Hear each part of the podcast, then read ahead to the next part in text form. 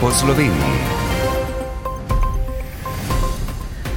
Dobr dan želim. Pri nas smo dolgo zanemarjali institucionalno varstvo starejših.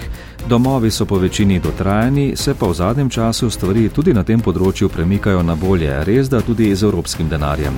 Dom starejših v Trebnjem je bogatejši za dnevni center. Namenjen je starejšim, ki imajo težave pri samostojnem bivanju doma. Poglavitni namen takšnih centrov je, da so starostniki čim dlje samostojni v svojem domačem okolju, hkrati pa to pomeni tudi razbremenitev za njihove svojce. Nove pridobitve se veselijo tudi v Lenartu, kjer so zagnali čistilno napravo, s katero rešujejo perečo okoljsko problematiko.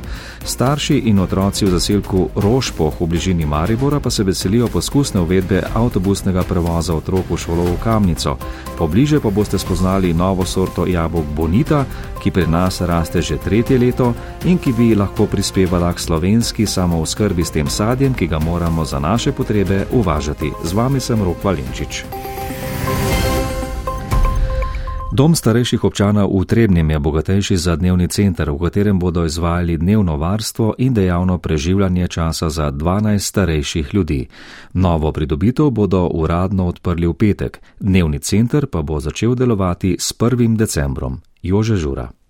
Dnevni center bo starejšim prebivalcem, ki še živijo v domačem okolju pri svojcih, omogočil kvalitetno preživljanje časa med 7 in 16 uro z različnimi delavnicami in drugimi aktivnostmi v družbi vrstnikov, pove direktorica Doma starejših občanov Trebnje Petra Kušar Stojakovič. Ohranja fizične in miselne sposobnosti, in pa predvsem tudi to, da pač je poskrbljeno za topel obrok eh, in pa pravzaprav kompletno prehrano no, v domu. In s tem se podaljša bivanje v domačem okolju. In to predstavlja nekakšen most pred 24-urnim domskim varstvom. V Trebanskem domu starejših imajo tudi varovana stanovanja in izvajajo pomoč na domu. V dnevnem centru, ki ga bodo uradno odprli v petek, delovati pa bo začel 1. decembra, bo prostora za 12 starejših oseb oseb, doslej so prejeli že sedem prošen.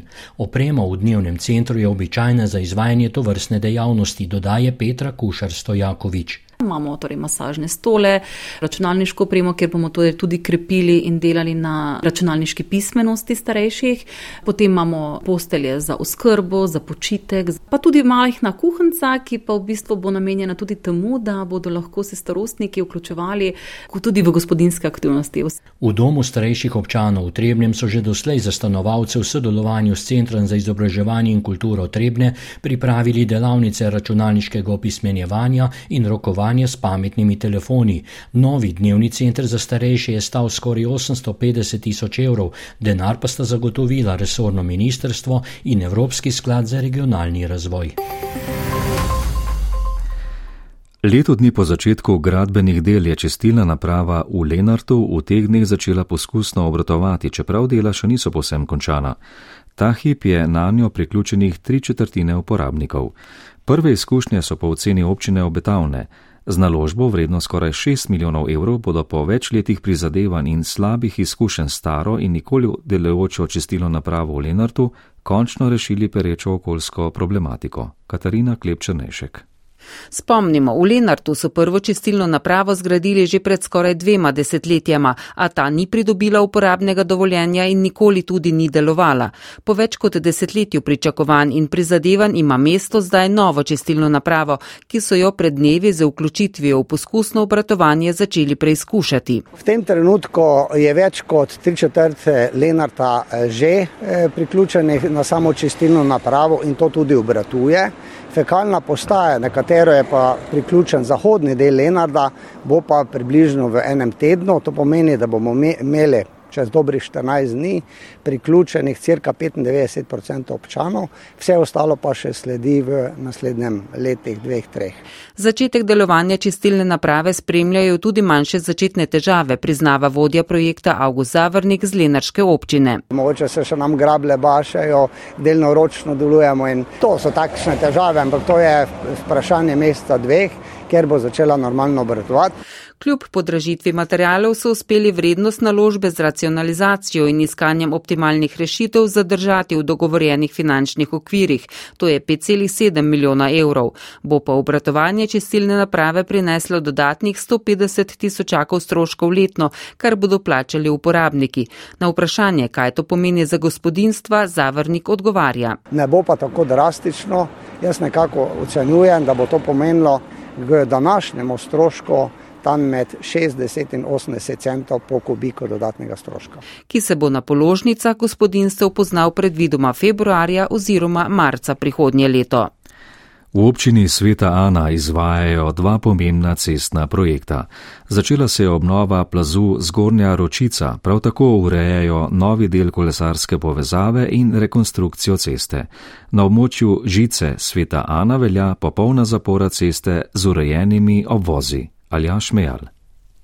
V sklopu urejanja regijskih kolesarskih povezav bodo rekonstruirali 2 km in pol ceste, ob kateri bodo vzpostavili tudi enostransko dvosmirno kolesarsko pot proti Lenartu, pojasnjuje vodja sektorja za investicije v ceste z Državne direkcije za infrastrukturo Tomaž Vilenpart.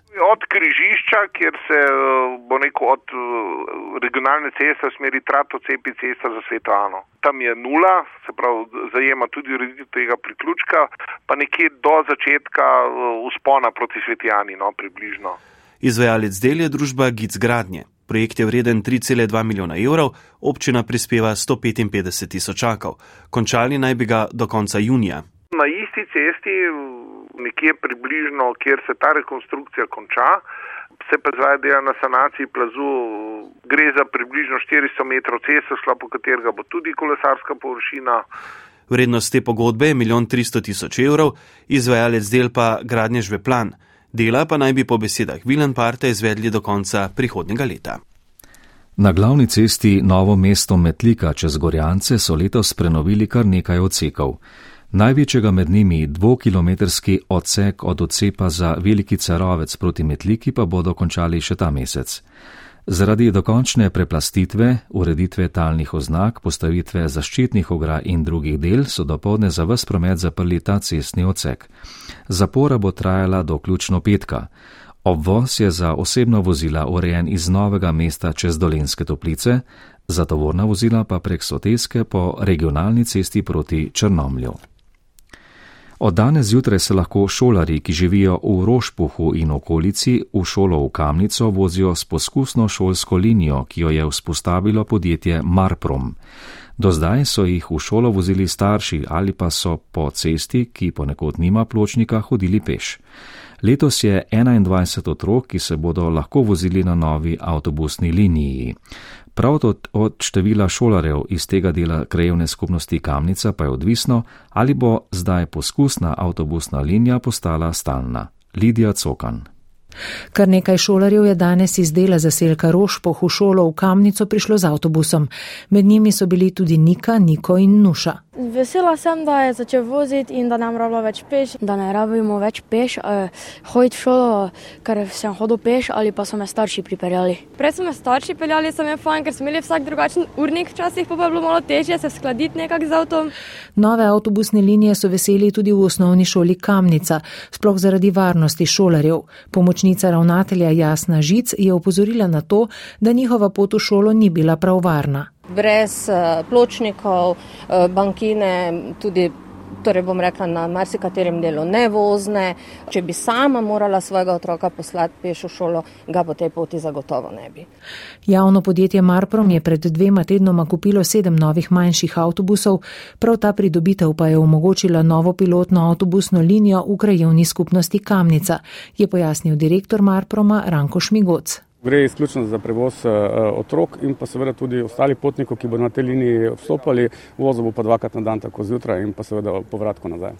V osnovni šoli Kamnica pa upajo, da bo pilotna šolska linija postala stalna, kot je tista, ki s krajem že več kot deset let povezuje zaselke ob avstrijski meji.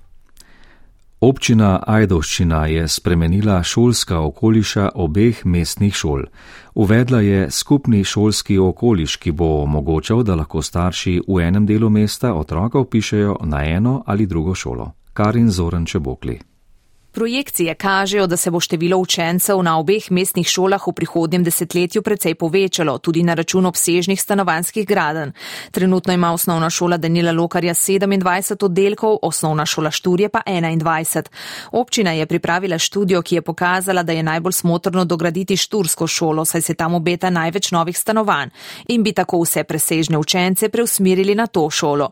Zato je bila občina primorana spremeniti tudi šolske okoliše. Glede na rezultate študije so pripravili model, po katerem bi naselja Dolenje, Gabrije, Planina, Tevče in Ustje izuzeli iz okoliša matične šole Danila Lokarja in jih priključili v okolišu matične šole Šturje.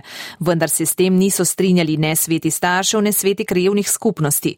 Občina je na podlagi pripomp pripravila nov model in sicer skupni šolski okoliš.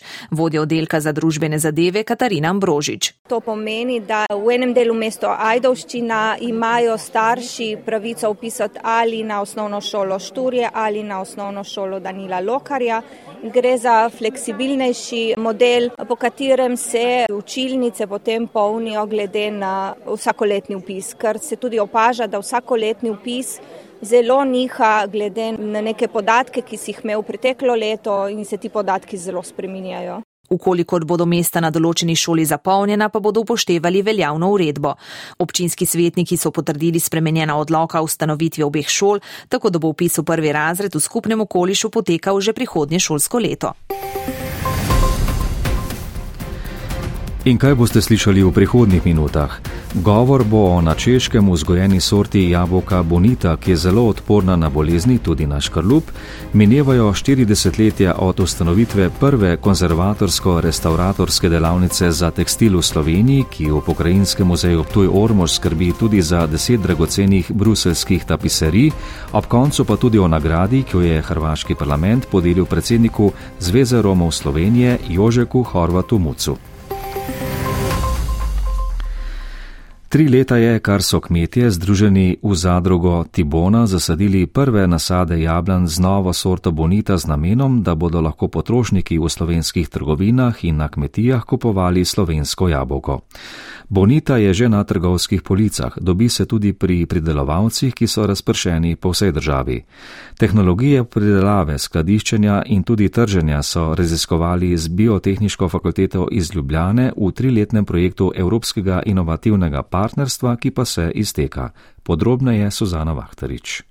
Nova sorta bonita, ki je odporna na najbolj pogoste bolezni, je lani in leto že lepo obrodila. Pobudnik sorte je Toni Koršič z Arnovega sela. Bonita je nova sorta v svetu, ne samo v Sloveniji. Je klubska sorta, to pomeni, da je zaščitena. Lastnik je KSB, konzorci ZTRO in še Baum Šule. Vzgojena je bila na Češkem, v isti znahtiteljski postaji kot Topas in večina teh novih odpornih sort Jabolko je lepo, rumeno rdeče, sočno in okusno, prednosti ima bonita še več. In pa da je odporna na nekatere bolezni, zlasti na škalup. To pomeni, da je v osnovi že veliko manjša poraba pesticidov na hektar, količinsko tudi več kot 50 odstotkov. Da bi jo zasadili v Sloveniji, so morali ustanoviti zadrugo. Direktor Toni Koršič pravi, da združujejo 18 pridelovalcev z dobrih 20 hektarji nasadov nove sorte po vsej državi. V Sloveniji je zasajenih še dodatnih 20 hektarjev bonite pri podjetju Štajerc, skupaj torej 40 hektarjev. Koršič verjame, da bo bonita vodilna sorta pri pridelavi jabolk v državi in opozarja, da zadnja leta pridelava ne zadostuje za samo oskrbo. Pridelamo premalo sadja, premalo malo jabolk za samo oskrbo, kar je katastrofalen podatek. Če smo še pred dobrimi desetimi oziroma dvajsetimi leti pridelali toliko jabolk, da smo jih morali polovico izvoziti. V projektu so povezali pridelovalce, združene v zadrugo Tibona, strokovnjake biotehniške fakultete Univerze v Ljubljani ter terensko svetovalno službo.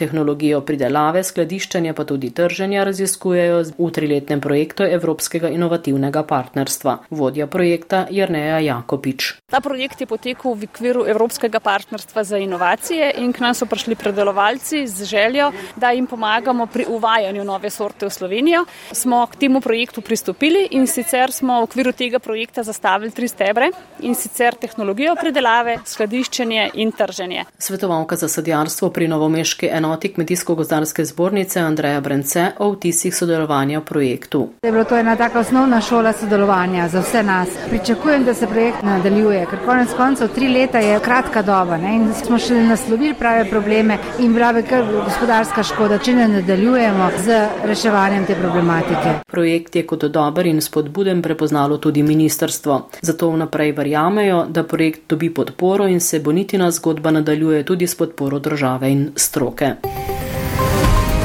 Po Sloveniji. Pokrajinski muzej Ptuj Ormož, ki bo prihodnje leto praznoval 130 let delovanja, se ponaša tudi s prvo konzervatorsko-restauratorsko delavnico za tekstil v Sloveniji, ki deluje že 40 let. Ob tem jubileju so v vzhodnem delu Ptujskega gradu odprli razstavo baročnih tapiserij z naslovom Veščine in skrivnosti mojstrov in mojstric tkanja, ki bo na ogled do decembra 2023. Sptuja Gabriela Milošič. Na razstavi so predstavljene dragocene tkane stenske preproge, ki jih poznamo pod imenom tapiserije. Pokrajinski muzej namreč skrbi za unikatno in dragoceno muzejsko zbirko. Nekaj ptujskih tapiserij sodi v sam vrh evropskega umetniškega tkanja, saj izvira iz manufaktur v Bruslju v 16. in 17. stoletju. Prav deset bruselskih tapiserij so ena največjih dragocenosti ptujskega muzeja in izjemen del nacionalne umetnostne dediščine.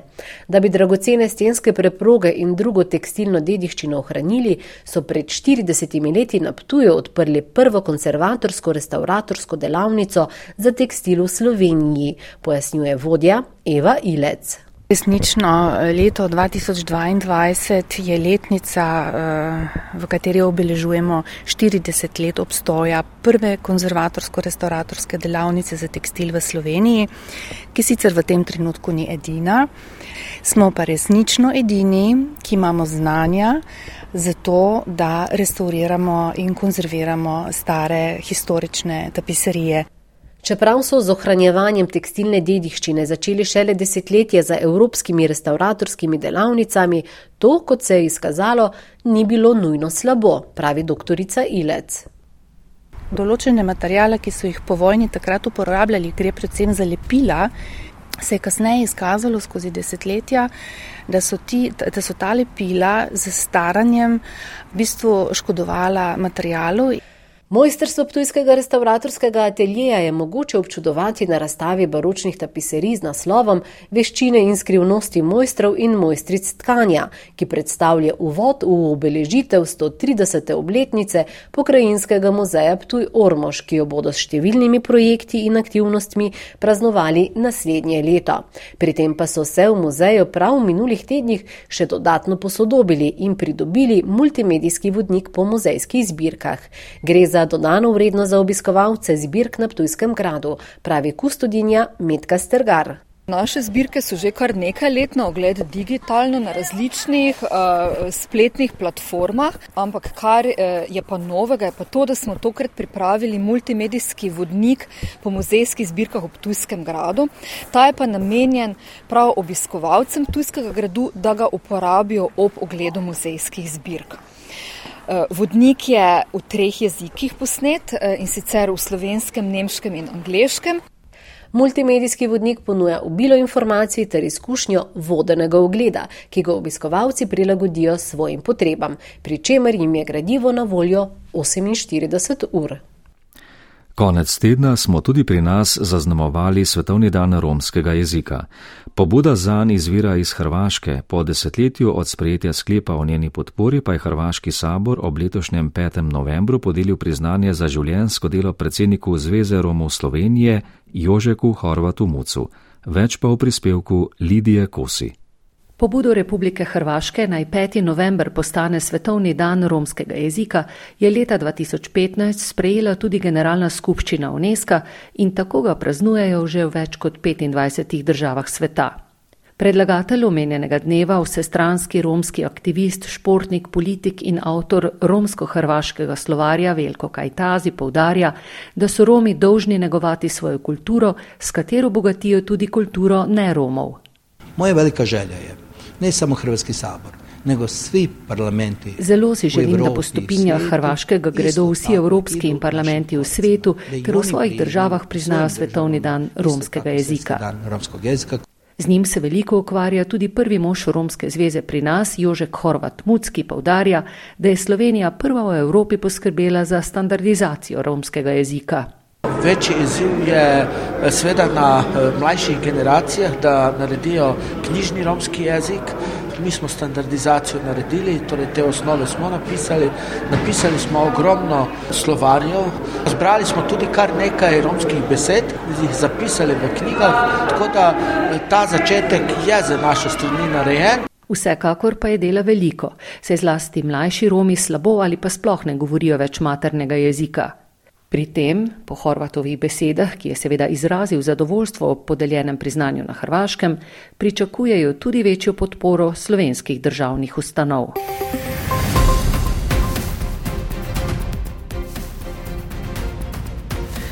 To je bilo v tej vdaji vse. Če ste jo zamudili, jo lahko k malu najdete na spletni strani prvega programa in seveda tudi v aplikaciji za podkaste. Vse, kar morate storiti, je, da v iskalnik utipkate po Sloveniji. Hvala za poslušanje in prijetno ponedeljkovo popovdne vam želim. Poslušali ste oddajo po Sloveniji. Urednica Nina Brus, voditelj Rok Valenčič, tonski mojster Marko Čebul.